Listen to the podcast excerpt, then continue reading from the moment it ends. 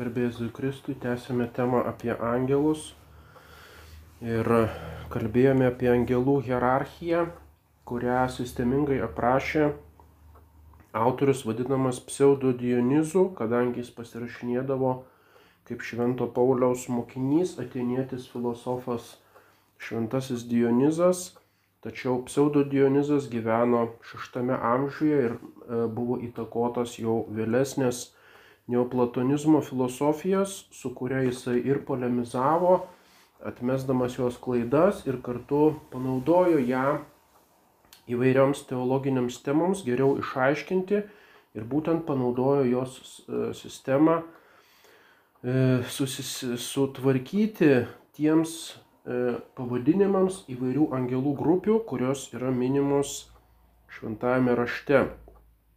Pirmiausia, pas šventąjį Paulių jo laiškuose e, jis mini įvairias angelų grupės, tačiau aišku, kad jis ne pats jas išgalvojo, tačiau tos grupės yra randamos jų pavadinimai vėlyvuosiuose judaizmo raštuose e, prieš Jėzaus Kristaus laikus, jo laikais, e, nors jų nėra Senajame testamente. Tarkim, laiške kolosiečiams pirmas skyrius Jame, tai yra Kristuje, sukurta visa, kas yra danguje ir žemėje, kas regima ir neregima, ar sostai, ar viešpatystės, ar kunigaikštystės, ar valdžios. Keturios tokios grupės, kurių pavadinimai pabrėžia galę šitų angelų ir šitie angelai yra sukurti jame, visa sukurta per jį ir jam. Tai yra Dievo žodžiui, Dievo sūnui, kuris yra nepalyginamai aukštesnis už tas visas e, galingus angelus. Kolosiečiams antras skyrius. Kristuje kūniškai gyvena visa gyvybės pilnatvė ir jūs esate pripildyti jame, jis yra visokių kunigaikštysčių ir valdžių galva. Tai yra Kristaus viršenybė virš angelų. Laiškė Feziečiams pirmas skyrius. Jei jis prižadino Kristų iš numirusių ir pasodino danguose savo dešinėje, aukščiau už visas kunigaikštystės, valdžias, galybės, viešpatystės ir už kiekvieną vardą tariamą ne tik šiame pasaulyje, bet ir busimajame. Kristus prikeltas iš numirusių kaip žmogus yra pasodintas danguose, dangaus sferose, reiškia daugiskaita tėvo dešinėje ir yra aukščiau už visas tas angelų hierarchijas, angelų grupės. Efeziečiams 3. Man iš visų šventųjų mažiausiam atiteko malonė skelbti pagonėms nesuvokiamus Kristaus turtus, kad dabar per bažnyčią taptų žinoma kunigaikštystėms ir valdžioms dauguje daugeriopa Dievo išmintis. Reiškia, paštalas kaip mažiausias iš šventųjų skelbia pagonėms Kristaus turtus, kad per jo bažnyčią ne tik tai tiems pagonėms, bet ir tiems piktosioms dvasioms, kurios yra kunigaikštystės ir valdžios šitų pagonių tautų, kurios yra tose dangaus padangės sferose, kad joms taptų žinoma daugeriopa Dievo išmintis. Efeziečiam šeštas skyrius. Mes grumėmės ne su krauju ir kūnu, bet su kunigaikštystėmis valdžiomis, šių tamsybių pasaulio valdovais ir dvasinėmis blogio jėgomis dangaus aukštumose. Taigi kolosiečiams tai buvo gerųjų angelų grupės kategorijos, o čia jau matome yra piktųjų angelų kategorijos, bet jos vadinamos tais pačiais terminais - kunigaikštystės valdžios. Laiškas romiečiams 8 skyrius. Esu tikras, kad nei mirtis, nei gyvenimas, nei angelai, nei kunigaikštystės, nei galybės, nei aukštumos, nei gelmės, nei kokie tvariniai negalės mūsų atskirti nuo Dievo meilės, kuri yra mūsų viešpatyje Jėzuje Kristuje. Taigi šventasis, e, ne šventasis, bet pseudo Dionizas parašė veikalą e, apie dangiškąją hierarchiją. Jis pats įvedė šitą terminą hierarchija, reiškia šventoji tvarka. Ir e, tą terminologiją perima šventasis Tomas Akvinėtis savo sumoje. Taigi yra trys hierarchijos po tris chorus arba latiniškai ordinės, tris tokius ordinus arba tris tvarkas. Taigi pirmoji hierarchija sudaryta iš trijų ordinų - yra serafai, kerubai ir sostai, tronoj graikiškai. E, antroji hierarchija sudaryta iš viešpatystės, galybės ir valdžios. Kyrijotetas viešpatystės, kyrijos yra viešpats graikiškai. E, toliau galybės, e, dinamiais, dinamiškos, reiškia galios ir paskui valdžios, eksuzijai, reiškia tas, kas turi valdžią kaip galę e, įveikti kažką tai. Iš esmės tai yra labiau panašu kaip į sinonimus. Ir trečioji hierarchija sudaryta iš kunigaikštyščių, arkangelų ir angelų. Kunigaikštystės graikiškai archai, archos arba archontas arba principatus, reiškia princeps, tai yra kunigaikštis. Taigi šventasis Tomas rašo, kad ne visi angelai priklauso vienai hierarchijai. E, būtent yra trys hierarchijos. E, hierarchija tai yra sačer principatus, šventoji tvarka arba šventoji kunigaikštystė. Visi gerieji angelai ir visi žmonės santykėje su Dievu, žinoma, sudaro vieną hierarchiją, kadangi vienodai ordinatų ir nukreipiami vienodai į Dievą, jie visi yra tvariniai. E, taip pat galima sakyti, kad yra du miestai, dvi hierarchijos. Tai yra Šventasis Augustinas, e, Dečivitatė Dėjai apie Dievo miestą, jisai rašo, kad yra du miestai. Dievo miestas ir šio pasaulio arba velnio miestas. Taigi gerųjų angelų, o kitą hierarchiją sudaro blogieji angelai ir žmonės. Taigi gerieji angelai ir žmonės visuomet sudarė vieną Dievo karalystę. Arba tai, ką vadiname bažnyčios siela Ir tik pasaulio pabaigoje tai taip taps matoma, kada raugės bus atsijotos nuo kviečių, kada regimasis bažnyčios kūnas susijungs su angelų chorais dangaus karalystėje. O kitą hierarchiją sudaro nusidėliai ir piktieji angelai. Tai yra tie du Švento Augustino miestai. E, tačiau net ir toje gerojoje hierarchijoje išsiskiria dvi skirtingos hierarchijos. Viena yra žmonių, o angelų arba dvasinėme pasaulyje jau yra trys hierarchijos. E, kodėl taip yra? Todėl, kad e, žmonės pažįsta per jūsles, o angelai e, pažįsta per kitų angelų pranešimus. Ir reiškia, aukštesnieji angelai suvokia universalesnės tiesas, ir jas perdoda žemesniesiems. Ir todėl yra iš esmės viena žmonių hierarchija ir trys angelų hierarchijos. Pirmoji angelų hierarchija pažįsta e, esmę, daiktų esmę pačiame universaliajame prade, tai yra Dieve. Tai būtent yra serafai, kerubai ir sostai. Antroji pažįsta tas tiesas jau kaip priklausomas nuo universalių sutvirtų priežasčių, tad jau šiek tiek padalintas. Reiškia, jų pažinimas jau nebėra tobulas. Iš kur tokia klasifikacija? Todėl, kad Šventasis Tomas nuosekliai seka Aristotelio tokį racionalizmą, viską išveda iš proto kaip aukščiausio principo. Ir todėl protas ir pažinimas yra kaip e, kriterijus skirstantas tris hierarchijas.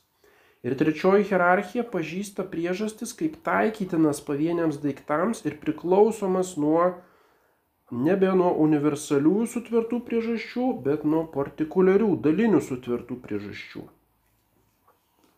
Kiekvienoje hierarchijoje yra po tris ordinės, tokius ordinus arba, kaip vadiname, chorus, kadangi angelai gėda danguje šlovė, kaip sustoja į tokius chorus. Ir štai E, August, e, Šventasis Tomas sako, taip pat yra ir visuomenėje. Yra trys tokie ordinės. Pirmus vadina optimatės, tai yra aristokratija arba miesto e, patricijatas. Toliau yra pati žemiausia yra liaudis, paprasta liaudis, o tarp jų yra, kaip dabar sakoma, vidurinioji klasė arba paprasti miestiečiai. Tokios trys kaip miestiečių, miesto gyventojų visuomenės e, tokios e, pakopos.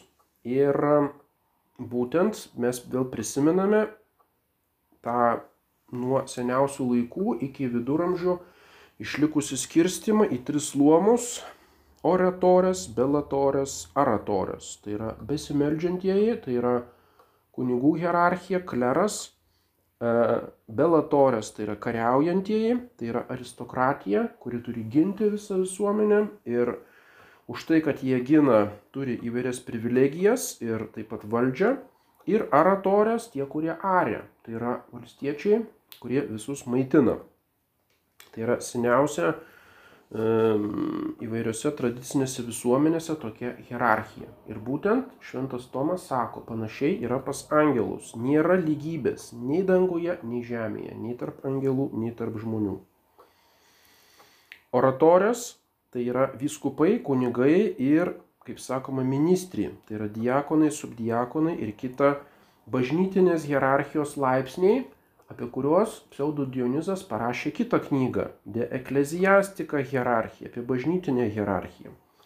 E, Dionys, pseudo Dionizas nesigilina į socialinę hierarchiją, tačiau tuos belatorės kariautojus taip pat galima išskirti į tokias tris e, pakopas, tai yra ponai, tai yra dvariškiai ir yra riteriai.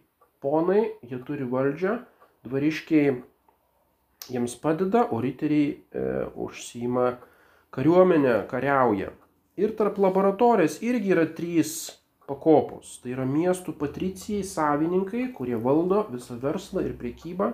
Tai yra amatininkai, laisvi ūkininkai. Ir paskui yra darbininkai priklausomieji ir priklausomi valstiečiai bei vergai. Taigi matome, yra trys kaip hierarchijos visuomenėje - oratorės, belatorės ir aratorės arba laboratorės darbininkai. Ir kiekvienoje iš tų hierarchijų vėlgi turime po tris pakopas. Viskupai, kunigai, diakonai, toliau ponai, dvariškiai, riteriai ir paskui patricijai, amatininkai ir darbininkai. Reiškia kaip trys esminiai skirtumai, o paskui e, jų viduje trys tokie labiau laipsnių skirtumai kur yra perėjimas daug lengvesnis. Tuo būdu e, žem, žemiškoji hierarchija šiek tiek atspindi tą dangiškąją hierarchiją. E, Tomas Akvinėtis rašo, angelų bendruomenėje viskas yra bendra. Tai yra analogija su vienuolynu. Tomas Akvinėtis buvo vienuolis dominikonas ir panašiai regi šitą angelų bendruomenę danguje. Tačiau vienas angelas turi tuos dalykus aukštesnių laipsnių negu kitas ir gali juos komunikuoti kitam, kuris negali jų perduoti ir pats jų neturi.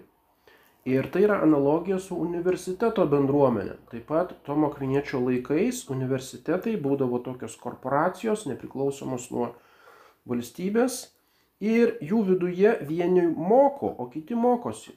Reiškia, visi yra lygus universitete, teoriškai, ir profesoriai, ir studentai, tačiau studentai mokosi iš profesorių. Ir čia susidaro tam tikra hierarchija. Ir todėl atsiranda hierarchija ir tarp angelų. Toliau Tomas Akvinėtis rašo, viename ordine yra daug angelų.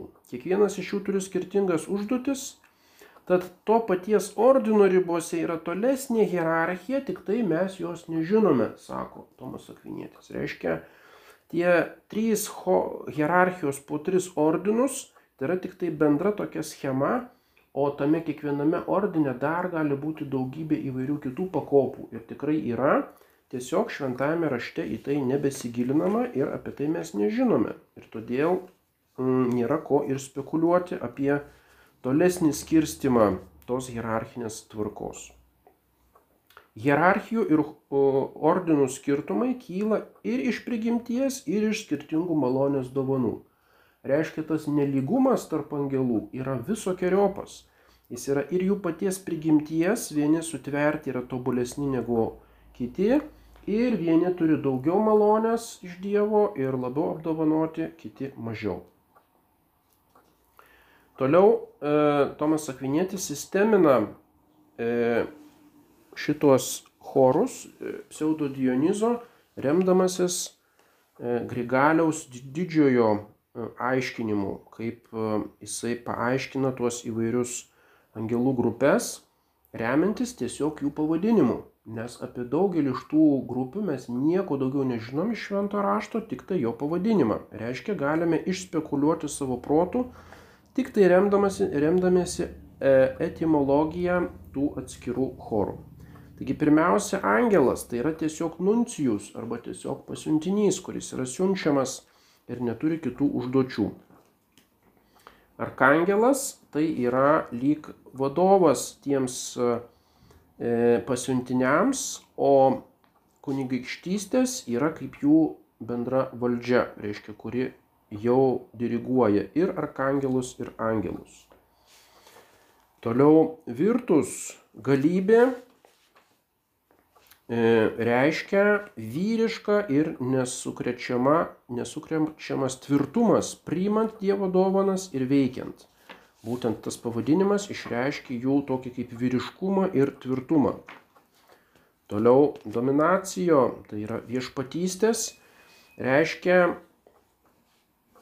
laisvumą nuo e, pavaldumo e, žemesniems ir nepalaužiamą tvirtumą e, dalyvaujant Dievo viešpatystėje.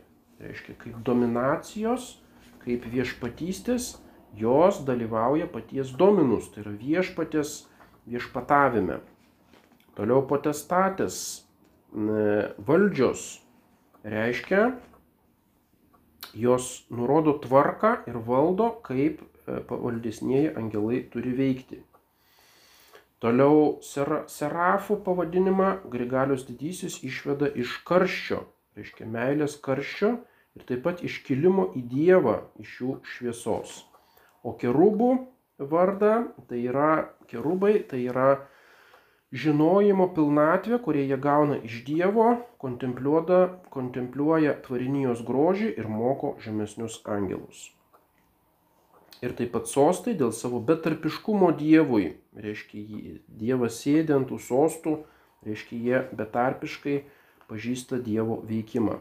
Kaip krieslas priima sėdintį į save, tvirtai laikosi jo. Reiškia, taip sostai laikosi Dievo. Ir aukštesniojo angelo tobulumas apima visą žemesniojo angelo tobulumą ir jį viršyje. Taigi vėliau dar pateikė kitus įvairias klasifikacijas šventasis Tomas, taigi spekulacija yra labai išvystyta švento Tomo dar lyginant su pseudo Dionizu. Šitie ordinės, ordinai išliks, rašo Tomas Akvinėtis ir po paskutinio teismo. Reiškia, jie nėra kaip laikinas, laikinas sutvarkymas iki galutinio pasaulio atbaigimo. Šita neligybė išliks visą laiką. E, ir jis remiasi Teisėjų knyga, penktas skyrius, žvaigždės pasiliekančios savo tvarkoje. Žvaigždės pasilieka, reiškia, angelai išliks per amžius šituose ordinuose. Tik tai nebebus vykdomos funkcijos kitus vesti į tikslą. Reiškia, viena iš funkcijų tai yra padėti žemės, žemesnio ordino, apšviesti jį ir traukti jį į viršų. O dabar jau šito nebebus. Šventieji bus priimti į angelų chorus per malonę, ne per jų prigimties perimimą. Reiškia, ta neligybė pas angelus, sakėme, yra iš prigimties ir iš malonės, o štai žmonės, šventieji, dėka Jėzaus Kristaus, jie bus priimti į angelų ordinės, bet tik tai per malonę. Jie neįgys angeliškos dvasios, jų kūnai bus prikelti, suvienyti su jo sielomis, taigi jie išliks žmonėmis jie netaps angelais, nebus priskaityti prie šitų valdžių viešpatyščių kaip tokių savo prigimtimi, joks šventasis, net jeigu šventą pranciškų vadinam serafiškuoju, e, e, šventuoju, jis netaps serafu savo prigimtimi, bet tik tai savo malonę jis bus iškeltas iki šito rango, būtent e, ordinė.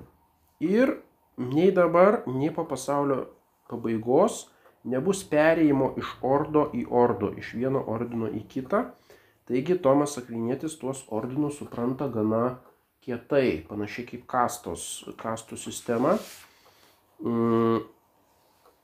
Ir tai atsispindi to meto viduramžių visuomenėje, kur perėjimas iš, tarkim, miestiečių luomo į aristokratijos luomą buvo tikrai labai sudėtingas. Tik tai vėliau naujaisiais laikais atsirado nobilitacija ir daug miestiečių e, buvo galimas tas perėjimas avansas, avansas į aukštesnį hierarchijos lygį. O šiaip ganėtinai stabili buvo šita tvarka ir taip pat vyskupai ir kunigai praktiškai dauguma buvo iš bajorų, iš aristokratijos. Paprastas valstietis nelabai galėdavo tapti kunigu.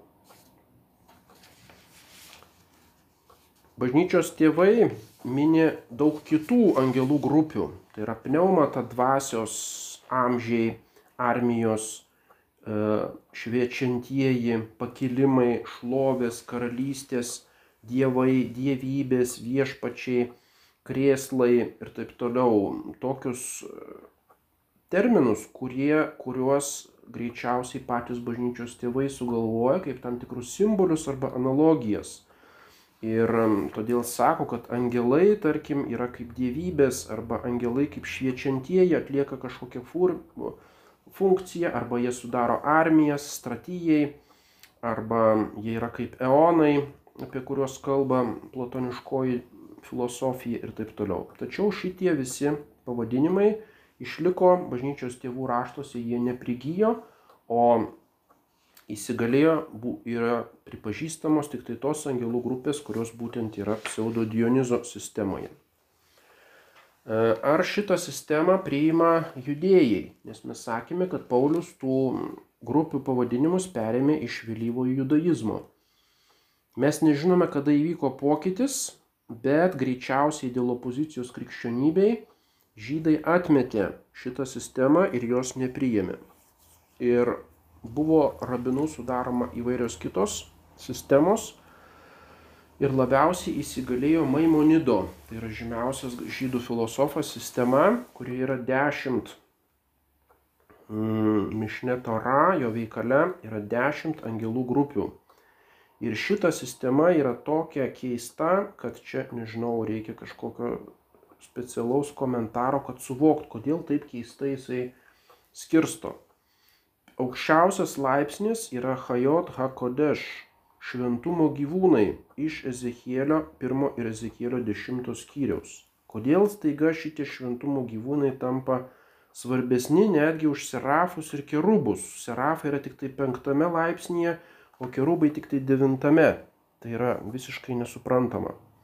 Nors tie šventumo gyvūnai būtent tik pas Ezekielių yra minimi.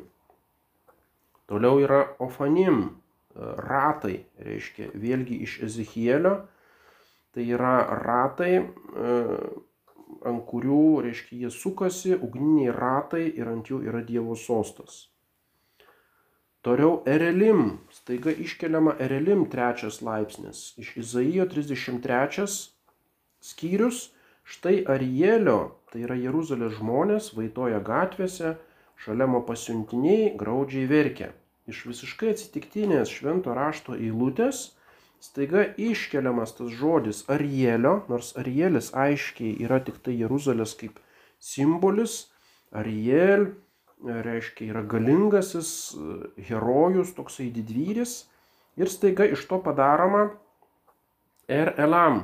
Erelimai reiškia e, didvyriai kaip atskira angelų grupė matome, kad ta sistema yra, ji viena vertus išnaudoja Senojo testamento angelų e, kai kuriuos pavadinimus, angelų grupės, kurios, kurių nėra pseudodionizo sistemoje, bet įveda iš visiškai atsitiktinių švento rašto eilučių kažkokias labai keistas, keistas grupės. Tarkim, ketvirtas yra Hašmalim, Ezechielio pirmas skyrius. Pakėliau akis ir štai šiaurės pašvaistės apsuptas, Su žaižaruojančia ugnimi artėjo viesulas didžiulis debesis, kurio viduryje iš ugnies šerdės spindėjo lyg gintaras.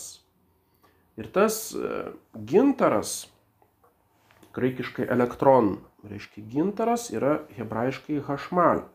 Ir staiga atsiranda pas Maimonidą atskira angelų hierarchija, atskira angelų ordinės hašmalim, gintarai. e, vyskupas Kviriackas verčia skaistvaris. Reiškia.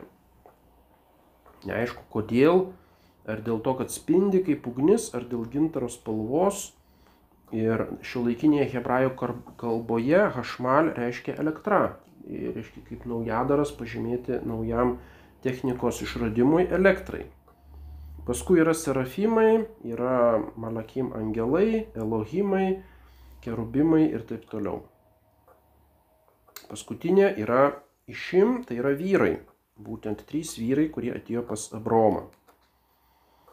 Matom, kad judaizmo šitą sistemą arba yra čia kažkoks paaiškinimas, kurio neteko rasti, bet jinai yra tiesiog absoliučiai be jokios logikos ir labai keista ir tos hierarchijos, kurios įveistos, jos tikrai neturi jokios, jokio paaiškinimo. Bet būtent Maimonidas atkreipė dėmesį, kad Senasis testamentas visiškai aiškiai kalba apie angelus kaip apie Elohim. O būtent e, Dionizo sistemoje jokių Elohim nėra. Taigi pirmiausia yra serafai, aukščiausi angelai. Seraf reiškia degantieji. E, žodis seraf turi keletą reikšmių. Pirmas yra nuodinga gyvatė. Kodėl nuodinga, ką tai turi bendro? Todėl, kad jos nuodai degina. Tai yra tai, kas deg, de, deginančioji gyvatė. Įstatymo knyga, pakartoto įstatymo knyga, 8 skyrius. Saugokis, kad tavo širdis neišpuiktų, užmirštama viešpati savo Dievą, išvedusi tave iš Egipto, vedusi tave per plačią dykumą, pilną serafim, ugningų žalčių ir skorpionų. Tai yra tiesiog pilna gyvačių, kurių nuodai, kai jos tave įgelia, degina ir viskas. Reiškia, tai yra tiesiog žodžio etimologija - deginantieji. Toliau yra tam tikra rūšis šitų deginančiųjų gyvačių. Izaijo 14 skyrius. Filistijos gyventojai, jūs plakęs vėzdas, tai yra Asirija, yra sulaužytas, bet jums nėra dėl ko džiugauti. Iš nugaišusio žalčio, nahaš, šaknies išdyks dar piknesnė angis cefa, o jos palikuonis bus saraf meofef reiškia skrajojantis, skrajojanti, deginanti gyvatė. Ir čia e, rūpšio vertime yra skrajojantis libinas. Nu, tai reiškia įvesta kažkokia visiškai metaloginė kategorija staiga į Izaijo pranašystę. Reiškia, iš nugaišusių žalčio nahašo išdyks dar piktesnė angis cefa ir jos palikonis bus skrajojantis libinas. Koks šis skrajojantis libinas? Slibinas tai yra saraf meofef, tai yra nuodinga gyvatė, grasi dėl savo įklumo. Tiesiog e, deginančiai gelianti gyvatė, kuri staigiai pašoka, reiškia ir įgelia tau. Tai kam tą savoką dabar būtinai mitologizuoti ir įvest kažkokius krajojančius libinus. Izaijas 30 skyrius ištarmė apie negebo gyvūnus. Per kraštą pavojinga ir neramų ten kur liūtė ir riaumojantis liūtas, kur angis ir vėl saraf meofav skrajojantis gyvatė, jie gabena savo turtą ant asilų nugarų. Taigi tas skraidimas tai yra tiesiog staigus šokinėjimas, čia nekalba apie jokius sparnus, buvimą ore ir iš vis čia jokio drakono ir slibino nėra šitame termine serafimas. Toliau trečia reikšmė yra varinis žaltys, kuris yra kaip simbolis. E, kodėl jis yra varinis? Todėl, kad varis yra ugnies spalvos, raudonas, reiškia irgi kaip deganti gyvatė. Skaičių knyga 21 skyrius. E, Izraelitai kalbėjo prieš Dievą ir Mozę, kodėl išvedė mus iš Egipto numirti dykumoje. Čia nėra nei maisto, nei vandens, mes bjaurėmės tuo niekam tikusiu maistu, tai yra mana. Tada viešpats pasiuntė žmonėms ugningus žalčius, seraf, serafimus. Jie gėlė žmonės ir nuo to daug izraeliečių mirė. Žmonės jo pas mozį ir sakė, nusidėjome, mes kalbėjome prieš viešpatį ir prieš tave, užtark pas viešpatį, kad atimtų nuo mūsų tuos žalčius, mozė meldėsi. Ir tada viešpats tarė, moziai pasidirbk sarafą, ugninį žaltį, jį pridėk prie stulpo, kiekvienas, kuris jį yra įgeltas, pažvelgęs jį liks gyvas. Mozė padirbo varinį žaltį ir pridėjo jį prie stulpo, Kada tik žaltys ką nors įgeldavo, tas žmogus pažvelgdavo į varinį žaltį ir likdavo gyvas. Tai ką dabar reiškia? Ar čia kažkokia stabmeldystė, mitologija ir reiškia visiškos kažkokio pagoniškų elementų įvedimas į Senąjį testamentą? Nieko panašaus. Tiesiog ugninis žaltys saraf tai reiškia varinis, reiškia varios spalvos nugludintas, kuris savo spalva primena būtent tas kvazis skraidančias, šokinėjančias, nuodingas gyvates, kurios gelia. Ir tai, kad jis pridėtas prie stulpo ir jį žvelgiama, tai visai nerašoma, kad reikia prieš jį pulti ant kelių ir jį garbinti. Ir tas pridėjimas prie stulpo nėra išaukštinimas to žalčio. Kad atrodo, kad mozė įveda kažkokią stabmeldystę, e, reiškia žalčio, žalčio kultą, kad žmonės tą žaltį garbindami E, išgytų maginiu būdu nuo nuodų tikrų žalčių, tikrų gyvačių. Tai yra visiškai ne taip, o tai yra kaip pergalės prieš tą ugninį žaltį Sarafą simbolis. Reiškia, jis yra užmuštas ir jis yra iškeltas ant lasdos. Jis viskas nebegyvas, jis tau nieko negali padaryti. Ir tada tu jį žvelgi, meldiesi Dievui Ir reiškia, tai yra kaip pergalės prieš tuos žalčius simbolius. Ir um, tu tiesiog išpažįsti, kad pasitikė Dievu, kad jisai nugalės tuos puolančias nuodingas gyvates ir tada Dievo malonė tave išgelbėjo. Kada tik žaltys ką įgeldavo, žmogus pažvelgdavo į varinį žaltį ir likdavo gyvas. Ir čia nėra jokios magijos, nėra jokio garbinimo tų žalčių, o yra malda į Dievą, kad jis nugalės, iškels ant stulpo tą, reiškia, stipeną to e, bjauraus žalčio. Ir štai kas įdomu, kad bažnyčios tėvai šitame iškeltame ant stulpo žaltyje mato Jėzaus Kristaus simbolį. Tai yra Jėzaus Kristaus e, ne tik bažnyčios tėvai, bet tai yra paties Jėzaus Kristaus pranašystė. Jono Evangelija trečias skyrius. Niekas nėra pakilęs į dangų, kaip tik žmogaus sūnus, kuris nužengė iš dangaus, kaip Mozė dykumoje iškėlė žaltį, taip turi būti iškeltas ir žmogaus sūnus, kad kiekvienas, kuris įtikė, turėtų amžinai gyvenimą. Taigi, nors Mozė žaltys tapo papiktinimu, buvo sutapatintas su Baliu, su pagoniškais dievais, Kristus atrodo čia jį reabilituoja, padaro savo nukryžiavimo simboliu.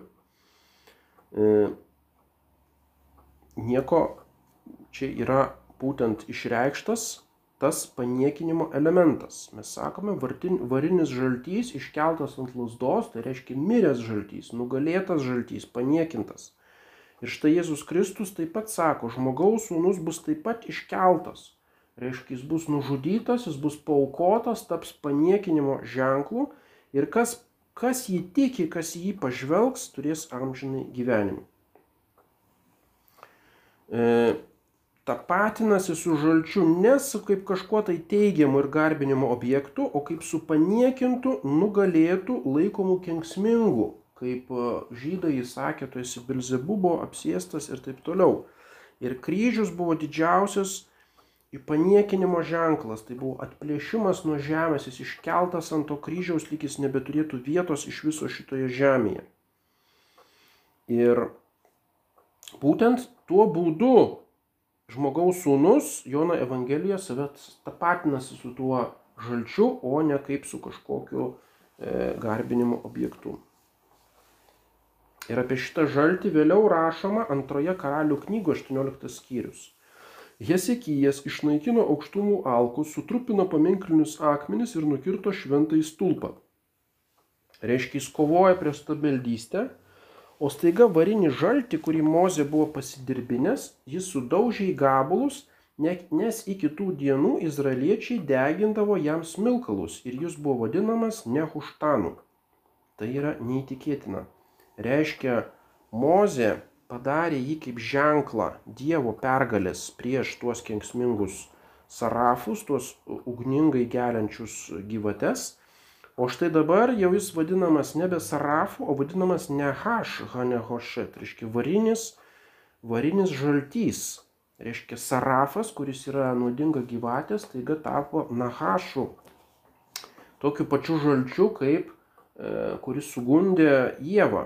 Reiškia kažkuo tai blogų velnio simboliu ir staiga izraeliečiai jam ima deginti smilkalus. Reiškia tai, ką Moze turėjo gerą intenciją, tas žaltys buvo išlikęs, išlaikytas iki Hezekijo dienų ir jis tapo stabmeldystės objektu ir todėl Hezekijas, taip kaip jis trupino ir griovė visus kitus stabmeldiškus objektus, taip jisai sunaikino ir Mozės šitą gyvatę. Bet matom kaip gyvatė staiga tampa ne hašui, jinai tampa žalčiu, kuris yra blogio simbolis. Tai yra mm, iš tikrųjų keista tokia keista permaina. Ir štai ką visą tai turi bendra su serafais. Nieko. Serafai kaip angelai neturi absoliučiai nieko bendro nei su gyvatėmis dykumoje, nei su skraidančiomis gyvatėmis, nei su Mozės žalčiu. Niekur nėra jokio identifikavimo. Tiesiog yra tas pats žodis, nes yra ta pati etimologija ugninis. Reiškia, kaip tie ugniniai žalčiai buvo, Taip yra ugninis angelas, kuris pasižymi savo ugnies, ugnies tokia išvaizda.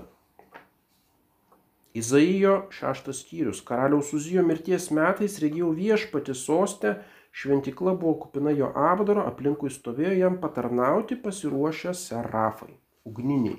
Ir viskas, tai yra tik pavadinimo ir bandymai įvairių švento rašto aiškintojų čia įžiūrėti, kad čia yra kažkoks skraidantis libinas, kad pas izraeliečius taip pat buvo drakono ir slibino simbolika ir mitologija, taip kaip pas kiniečius, tarkim, išvystyti ar kažkur kitur. Ir tai yra tokia ugnims pjaudantis kažkoks drakonas, tas serafas ir visiškai nieko bendro. Kiekvienas turėjo šešis sparnus, dviem dengė savo veidus, dviem dengė kojas ir dviem plasnojo ore. Šventas, šventas, šventas yra galybių viešpats. Taigi jis visiškai nepanašus į jokią gyvatę, į jokį žaltį. Jis turi šešis sparnus, jis turi veidą, turi kojas, tai reiškia antropomorfinis, tai yra kaip žmogus, kuris e, tik tai su sparnais ir jis yra raudonos spalvos e, degantis toksai angelas. Nuo jų šauksmo drebėjo durų staktos, šventykla prisipildė rūmų, rūmų, dūmų. O aš tariau, vargas man, aš žmogus, kurio lūpos suteptus, o savo akimis reigiu karalių galybių viešpati. Tuomet vienas iš serafų priskrido prie manęs, laikydamas rankoje žeruojančią žaryją, kurią buvo paėmęs žnyplėmis nuo altoriaus, ją palėtė mano burną. Reiškia, tai yra kaip degantis angelas ir jis de, deginimo, reiškia, pašventina šitą Izaiją. Ir šitas serafas kaip angelas nei žydų tradicijoje, nei šventajame rašte niekur neturi absoliučiai nieko bendro su rojaus žalčių Nahaš ir taip pat su visomis tomis gyvatėmis, kurios anksčiau minėtos. Jis yra antropomorfinis, nieko neprimena nei kažkokios libinos pjaudančio ugnį, nei gyvatės. Jis taip pat nepasirodo kaip vingiuojantis Dievo žaibas, kaip Dievo baudimo įrankis, E, reiškia, tada būtų galima sakyti, kad yra, reiškia, žaibas, kuris nu, nusirango per dangų, tokia ugninė kaip gyvatė danguje. Ir reiškia, iš čia yra gyvatiškas simbolis serafimo. Nieko panašaus mes nerandame. Ir gyvatė Sename testamente yra piktojo simbolis, o šį čia tiesiog jis reiškia degantysis ugninis. Ir Tomas Akvinėtis sako, jis yra pilnas Dievo meilės kaip Dievo meilės reprezentantas ir todėl iš tos meilės išlovina šventas, šventas, šventas, reiškia kaip švenčiausiai trejybė ir tos meilės žaryje uždega Izaijo uolumą. Tai yra visa, e, visa mm, simbolika serafimų, kuris yra aukščiausias iš angelų chorų. Kita kartą kalbėsime apie kerubus ir kitus chorus.